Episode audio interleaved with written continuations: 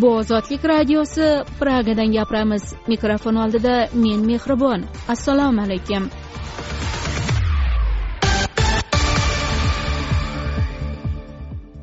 Bugun dasturimizda aqsh elchisi bobomurod abdullayevga qarshi ish yopilganini olqishladi. Dushanbe aeroporti xodimi oylik berilmaganiga norozilik sifatida o'zini otib o'ldirdi. Belarusda prezident aleksandr lukashenko iste'fosi talabi bilan umummilliy ish tashlash boshlandi. Tafsilotlar uchun to'lqinlarimizda qoling.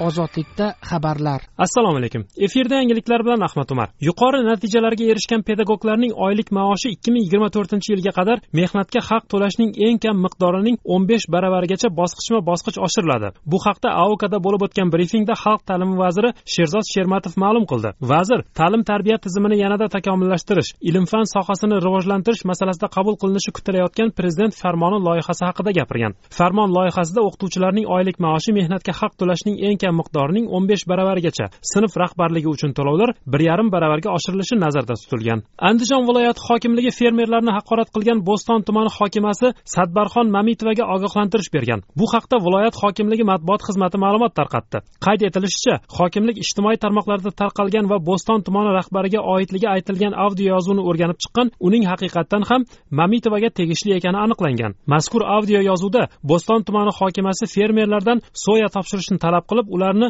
maraz iflos deb so'kkaniga guvoh bo'lish mumkin. Bu borada mahalliy jurnalistlarga izoh bergan mamitova bu holatni koronavirusga chalinib ikki hafta kasalxonada davolangani kasallikdan keyin stressga tushgani bilan izohlashga uringan va qilgan ishidan afsusda ekanini bildirgan. Keyingi besh yil ichida xitoydan o'zbekistonga olib kirilayotgan yillik investitsiyalar hajmi besh milliard dollarga koreya respublikasidan esa bir milliard dollarga yetkazish rejalashtirilgan. Bu haqda kuni kecha investitsiyalar va tashqi savdo vazirining o'rinbosarlari a. Voitov va l. Qudratov rahbarligida xitoy va janubiy koreya bilan savdo iqtisodiy investitsiyaviy moliyaviy texnik transport va logistika hamda madaniy gumanitar hamkorlikni mustahkamlash bo'yicha belgilangan vazifalar ijrosiga bag'ishlanib o'tkazilgan muhokamada aytilgan. Tadbir chog'ida ikki ming yigirma beshinchi yilga borib o'zbekistondan xitoyga amalga oshiriladigan yillik eksport hajmi kamida uch milliard dollarni koreya respublikasiga esa kamida sakkiz yuz million dollarni tashkil etishi kerakligi urg'ulangan. Qirg'iziston tojikiston chegarasining yigirma beshinchi oktyabr kuni o'q otilgan qismida vaziyat barqarorlashtirildi. Vaziyatni nazorat qilish uchun mazkur hududga chegara xizmati raisining birinchi o'rinbosari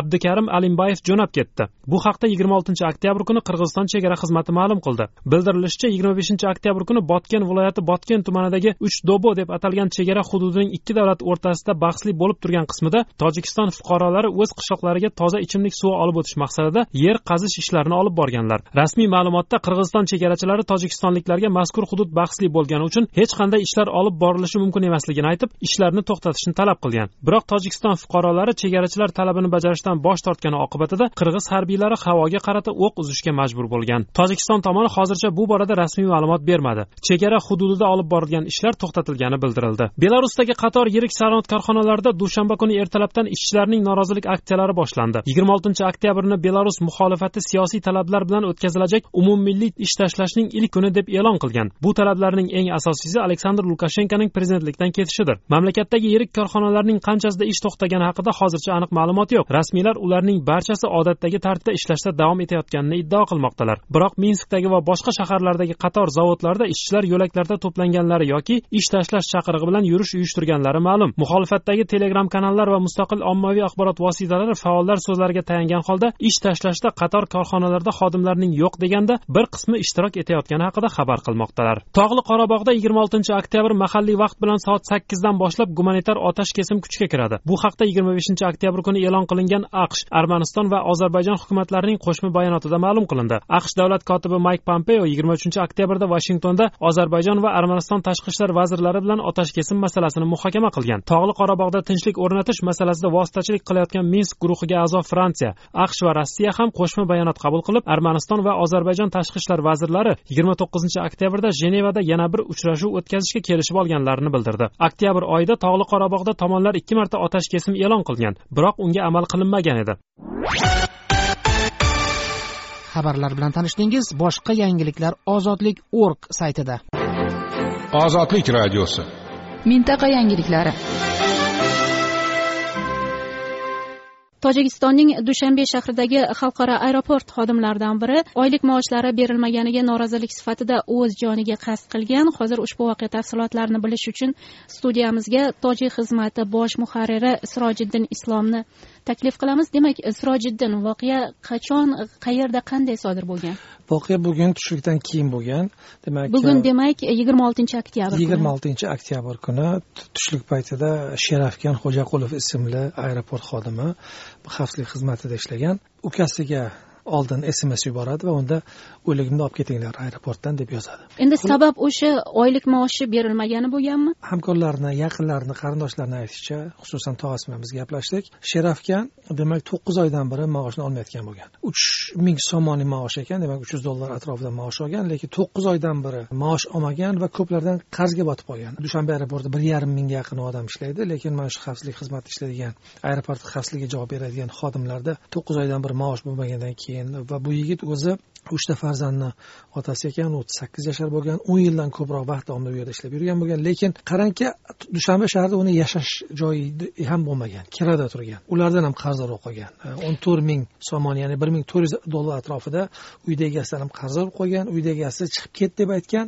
va natijada bu borib turib o'sha rahbariyatdan maoshlar to'lash talab qiladi. Maoshi yo'q degan javobni olgandan keyin to'pponchasini olib o'zini yuragiga o'q uzadi.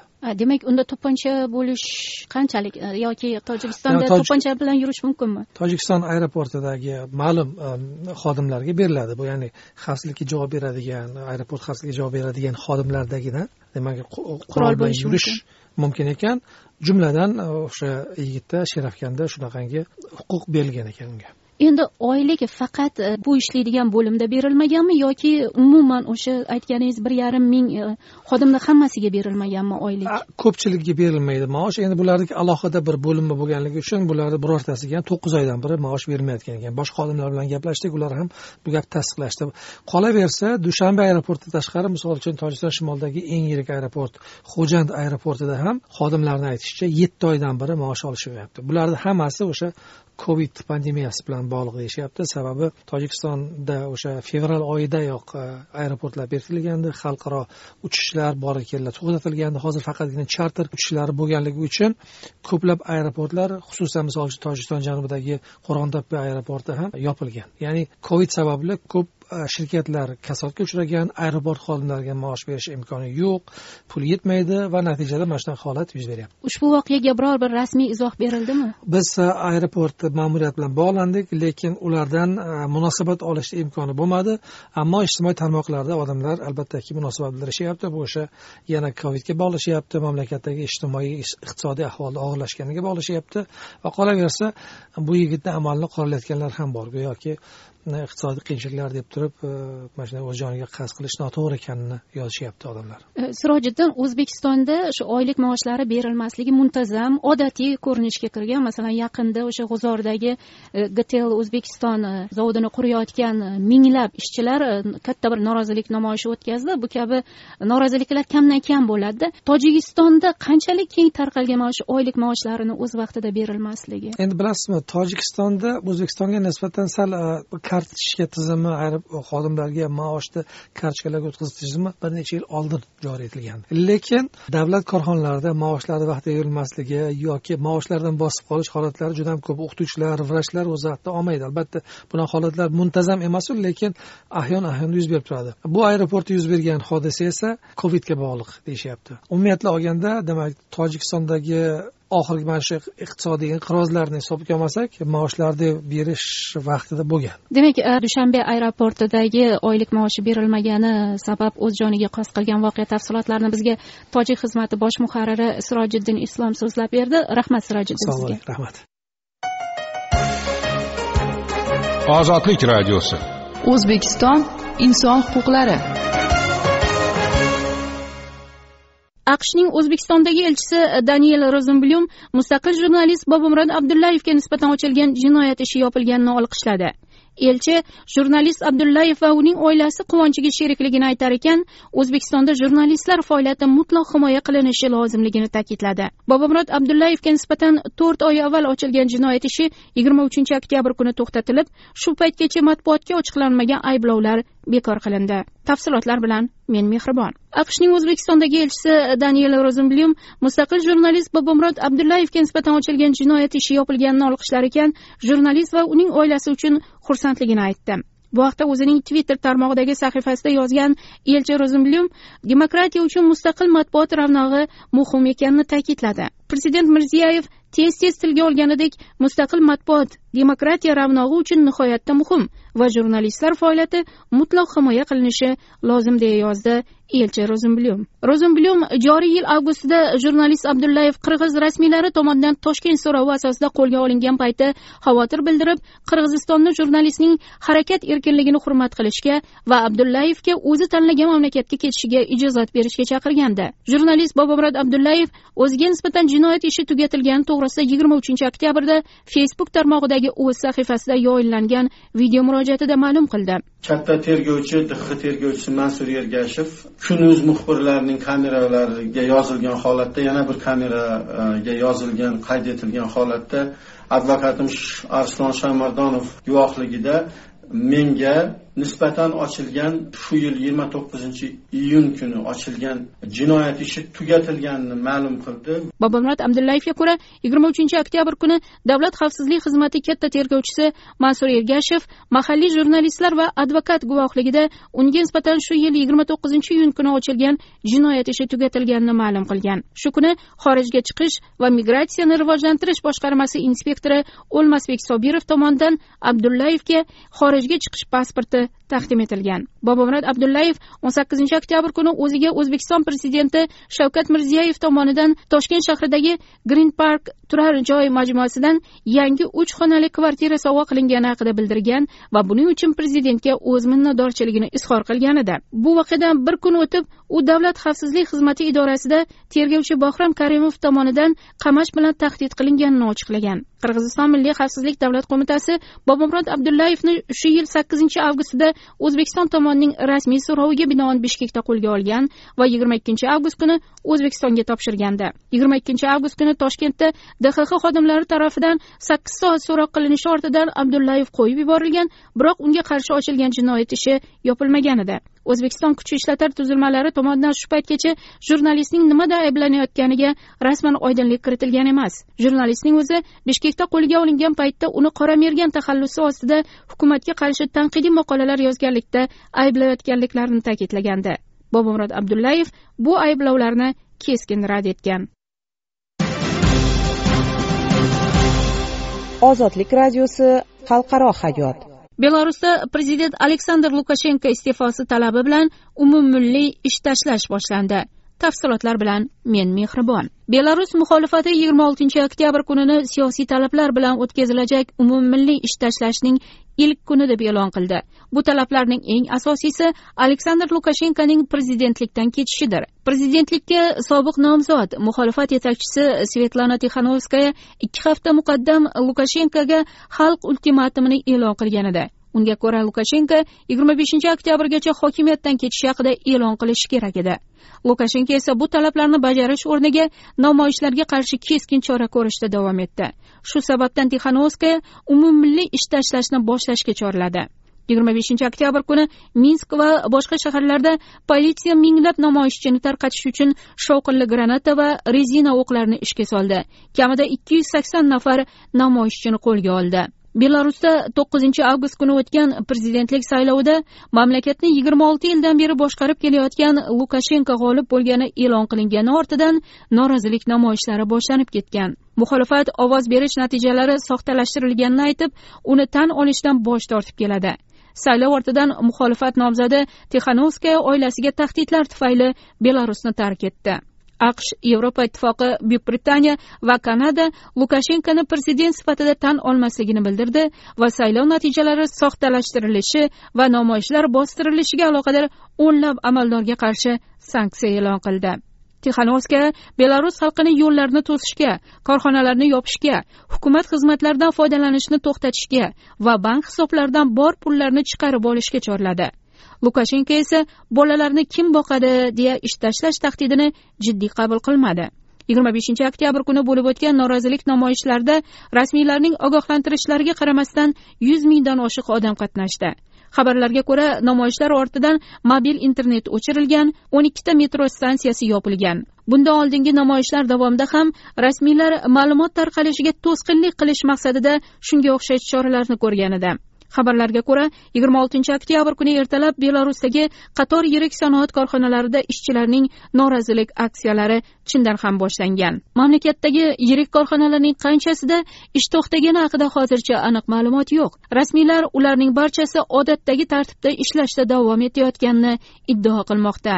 Biroq minskdagi va boshqa shaharlardagi qator zavodlarda ishchilar yo'laklarda to'planganlari yoki ish tashlash chaqirig'i bilan yurish uyushtirganlari xabar qilindi.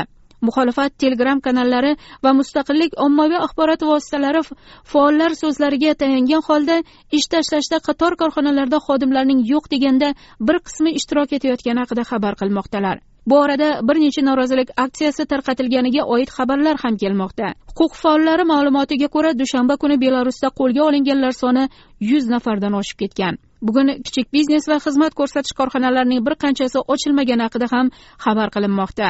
Muxolifat lukashenko iste'fosi bilan bir qatorda politsiya zo'ravonligi to'xtatilishini barcha siyosiy mahbuslar ozod etilishini hamda yangi saylov o'tkazilishini talab qilmoqda.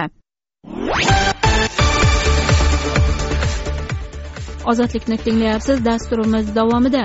Bojxona qo'mitasi ishlab chiqqan qonun loyihasi bank sirini yo'qqa chiqarish urinishi sifatida tanqidga uchradi. Tog'li qorabog'da otash kesim yana buzildi. Tomonlar bir birini ayblamoqda. Aqsh saylovlari tramp va bayden oliy sud ustida tortishmoqda. Dastur davomida mintaqa va xalqaro hayotga oid boshqa mavzular ham o'rin olgan.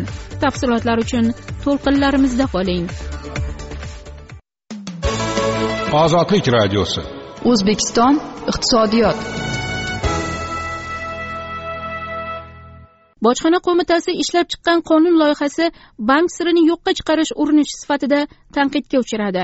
Tafsilotlar bilan men mehribon. Yigirma uchinchi oktyabr kuni normativ huquqiy hujjatlar jamoatchilik muhokamasiga qo'yiladigan portalda o'zbekiston respublikasining bank siri to'g'risidagi qonuniga qo'shimcha kiritish haqidagi qonun loyihasi paydo bo'ldi. Muallifi davlat bojxona qo'mitasi bo'lgan ushbu hujjat jamoatchilik muhokamasiga qo'yilishi bilan iqtisodchi va bank moliya mutaxassislarining keskin tanqidiga uchradi. Bojxona qo'mitasi bank siri to'g'risidagi amaldagi qonunchilikka o'z xodimlarining bank mijozlari hisob raqamlariga oid ma'lumotni olishga ruxsat berish qilishi uchun jumladan o'zbekiston davlat bojxona xizmati organlari bank mijozi bo'lgan tashqi iqtisodiy faoliyat ishtirokchilarining bankda mavjud bo'lgan hisob raqamlari omonatlari ulardagi pul mablag'larining qoldig'i va operatsiyalar to'g'risidagi hamda bojxona to'lovlari bo'yicha majburiyatlar ijrosi bilan bog'liq tegishli ma'lumotlarni agar bu ma'lumotlar ularning zimmasiga yuklatilgan vazifalarni amalga oshirishi uchun zarur bo'lsa olishga haqlidir degan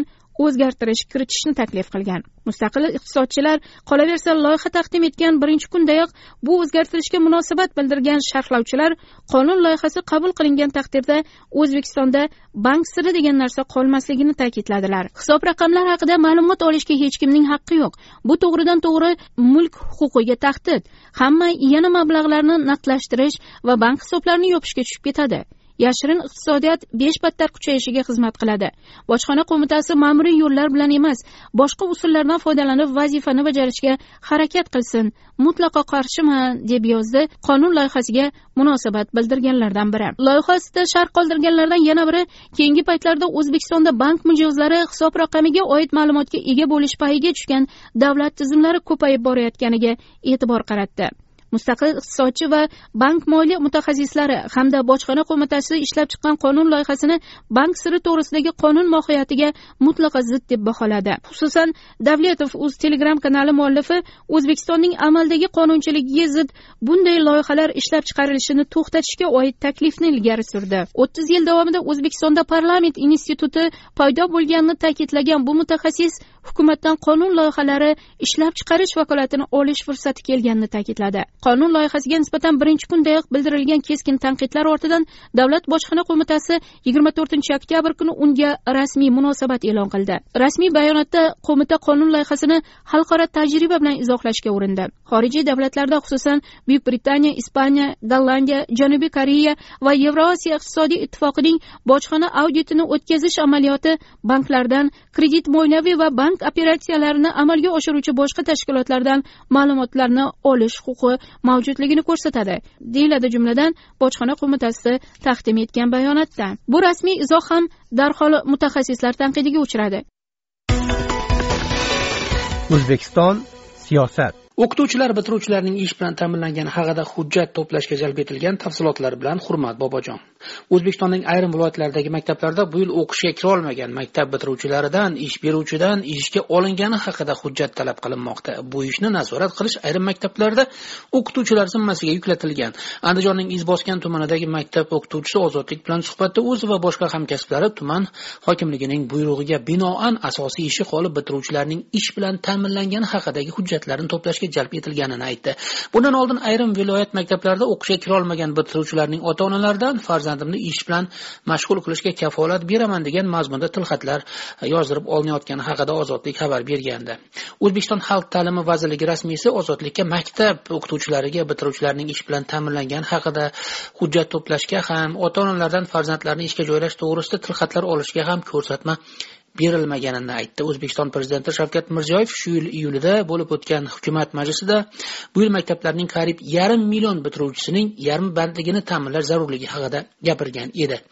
Ishdan haydalish xavfi bois e, ismini ochiqlamaslikni so'ragan andijonlik muallimning ozodlikka aytishicha o'zi va hamkasblari o'qishga kirolmagan bitiruvchilar ro'yxatini tuzib ularni ishga joylashga jalb etilgan. Dars o'tishga vaqtimiz bo'lmayapti. Asosiy ishimiz bitiruvchilarni ish bilan ta'minlashdan iborat bo'lib qolmoqda. Bitiruvchilardan ishga joylashgani haqida hujjatlarni to'playapmiz. Joylasholmaganlariga har kuni soliq idorasida o'tirib o'n ming so'mdan to'lov qilib har biriga ish stazi oshirishga majbur bo'lyapmiz. Chunki bitiruvchi ishsiz qolishi kerak emas. Bu haqda bizga gap tegishi mumkin deydi muallim. Andijon viloyati marhamat tumanidagi maktab o'qituvchisi ham bitiruvchilarni ish bilan ta'minlashga bu yil tuman hokimligidan alohida topshiriq bo'lganini ozodlikka tasdiqladi. Yuz foiz hamma bola ish bilan band bo'lishi kerak. Birorta ham bola qolib ketmasligi lozim. Qolib ketsa yuqoridagilar qo'ymaydi deydi maktab o'qituvchisi. O'qituvchilar bandlik bo'yicha to'plangan hujjatlar nusxasini ozodlikka taqdim qildi. Ozodlik bilan suhbatda bo'lgan ba'zi maktab bitiruvchilarining ota onalari talabni bajarish uchun ish beruvchidan mehnat daftarchasiga nomiga bo'lsa ham muhr bostirib nusxasini topshirishga majbur bo'layotganliklarini aytishadi. Mehnat daftarchasiga ishlayapti degan pechat bostirib keldik. Bitiruvchilarning hammasi fermer yoki chevarchilik sexlaridan mana shunaqa qilib olib boryapti. Ammo ish yo'q. Hujjat olib bormasak hokimlik o'zi qurilishlardan yoki ish sharoiti og'ir joylardan ish topib berar ekan deydi andijonlik maktab bitiruvchisining ota onalaridan biri. Bundan oldin ozodlik namangan va farg'ona maktablarida yig'ilishlar o'tkazilib ota onalardan farzandimni ish bilan mashg'ul qilishga kafolat beraman degan mazmunda tilxatlar yozdirib olinayotgani haqida xabar bergan edi. O'zbekiston xalq ta'limi vazirligi e, rasmiysi ozodlikka maktab o'qituvchilariga bitiruvchilarning ish bilan ta'minlangani haqida hujjat to'plashga ko'rsatma berilmaganini aytar ekan. Bu yil e, umumta'lim maktablarini to'rt yuz ellik mingdan ziyod o'g'il qiz tamomlagani shulardan yetmish ming nafari oliy o'quv yurtlariga to'qson ming maktab bitiruvchisi kasb hunar kollejlariga qabul qilinganini aytdi. O'zbekiston davlat statistika qo'mitasining shu yil avgust oyida e'lon qilgan hisobotiga ko'ra mamlakatda ikki ming yigirmanchi yilning birinchi yarmida ishsizlik darajasi qariyb to'qqiz foizni tashkil etgan. Ozodlik radiosi xalqaro hayot. Tog'li qorabog'da otash kesim yana buzildi. Tomonlar bir birini ayblamoqda. Tafsilotlar bilan men mehribon armaniston va ozarbayjon bir birini yigirma oltinchi oktyabr kuni kuchga kirgan insonparvarlik otash kesimini buzishda aybladi. Armaniston mudofaa vazirligi o't ochishni to'xtatish kelishuvi ozarbayjon tomonidan ikki marta o't ochish yo'li bilan buzilganini bildirdi. Vazirlik matbuot kotibi shushan stepenyan twitterda soat taxminan to'qqizu o'nda ozarbayjon tarafi janubiy sharqiy yo'nalishdagi mavqelarni besh marta artilleriyadan nishonga oldi deb yozdi. Armaniston vakili shuningdek soat sakkiz qirq beshda tog'li qorabog' sharqidagi armon harbiy mavqelari o'qqa tutilganini bildirdi. Armaniston bosh vaziri nikol pashinyan esa facebookda armaniston tarafi otashkesim rejimiga to'liq amal qilishda davom etayotgani haqida yozdi.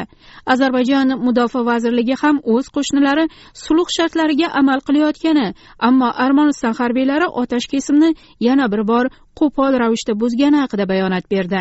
Tog'li qorabog'da yigirma oltinchi oktyabr kuni mahalliy vaqt bilan soat sakkizdan boshlab gumanitar otash kesim kuchga kirdi. Bu haqda yigirma beshinchi oktyabr kuni aqsh armaniston va ozarbayjon hukumatlarining qo'shma bayonotida ma'lum qilingandi bugun kuchga kirgan bitim tog'li qorabog'da sentyabr oxirida harbiy to'qnashuvlar boshlanib ketgandan beri erishilgan uchinchi sulhdir. Avvalroq aqsh davlat kotibi mayk pompeo vashingtonda armaniston va ozarbayjon tashqi ishlar vazirlari bilan uchrashgandi. yigirma beshinchi oktyabr kuni prezident donald tramp taraflar o't ochishni to'xtatishga kelishib olganidan mamnun ekanini bildirgandi. Yarim tunda kuchga kiradigan otashkesimga kelishib olgan armaniston bosh vaziri nikol pashinyan hamda ozarbayjon prezidenti ilhom aliyevni tabriklayman ko'plab insonlarning hayoti saqlab qolinadi dedi donald tramp bu orada tog'li qorabog'da tinchlik o'rnatish borasida vositachilik qilayotgan minsk guruhiga a'zo fransiya aqsh va rossiya ham qo'shma bayonot e'lon qilib armaniston va ozarbayjon tashqi ishlar vazirlari yigirma to'qqizinchi oktyabrda jenevada yana bir uchrashuv o'tkazishga kelishib olganliklarini bildirdi. Oktyabr oyida tog'li qorabog'da tomonlar ikki marta otash kesim e'lon qilgan biroq unga amal qilinmagan edi.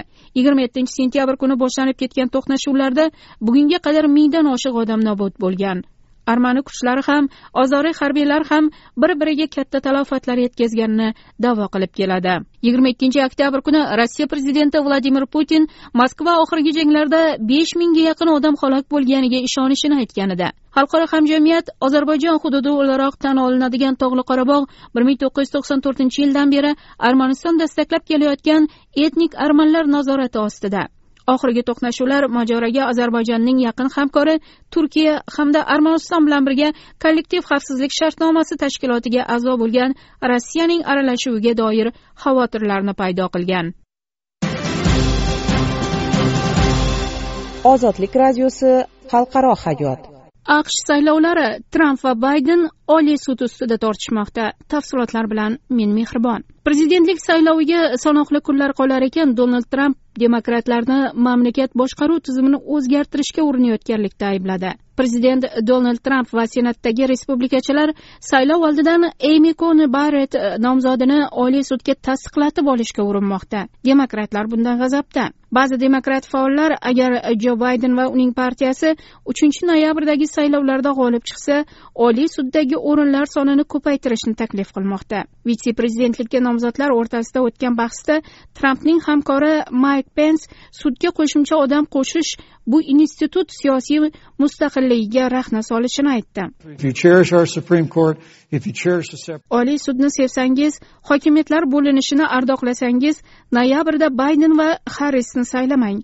Prezident donald trampni qayta saylasangiz biz hokimiyatlar bo'linishini himoya qilamiz dedi pens bayden sudyalar sonini oshirish tarafdori emasligini aytgan bo'lsada uning jamoasi bu g'oyani rad etgani yo'q. Pens bilan bo'lib o'tgan munozarada vitse prezidentlik uchun bayden nomzodi kamala harris tramp ma'muriyatini quyi sudlarni konservativ sudyalar bilan to'ldirayotganlikda aybladi. And do you know that of the 50 people who president trump prezident tramp apellyatsiya sudlariga tayinlagan ellikta odamni taniysizmi birorta ham qonatalla odam yo'q dedi u. Respublikachilarning yana bir xavotiri shuki demokrat qonunchilar kongressda ko'pchilik o'rinlarni egallasa prezidentni to'g'ridan to'g'ri emas balki saylovchilar hay'ati orqali saylash tizimini bekor qilishga urinishi mumkin. Hozirgi tizim saylovlarda respublikachilarga qo'l kelayotgani aytiladi. Masalan ikki ming o'n oltinchi yilgi saylovda donald tramp ommaviy ovozlar soni bo'yicha yutqazgan. Ammo saylovchilar hay'ati ovozlari hisobiga g'alaba qozongandi. Ikki minginchi yilda jorj bush bilan ham xuddi shunday bo'lgan. Ba'zi faollar fikricha kongressda demokratlar sonini oshirish uchun ikkita hududga shtat maqomini berish kerak. Poytaxt vashington hamda puerto riko orol hududiga.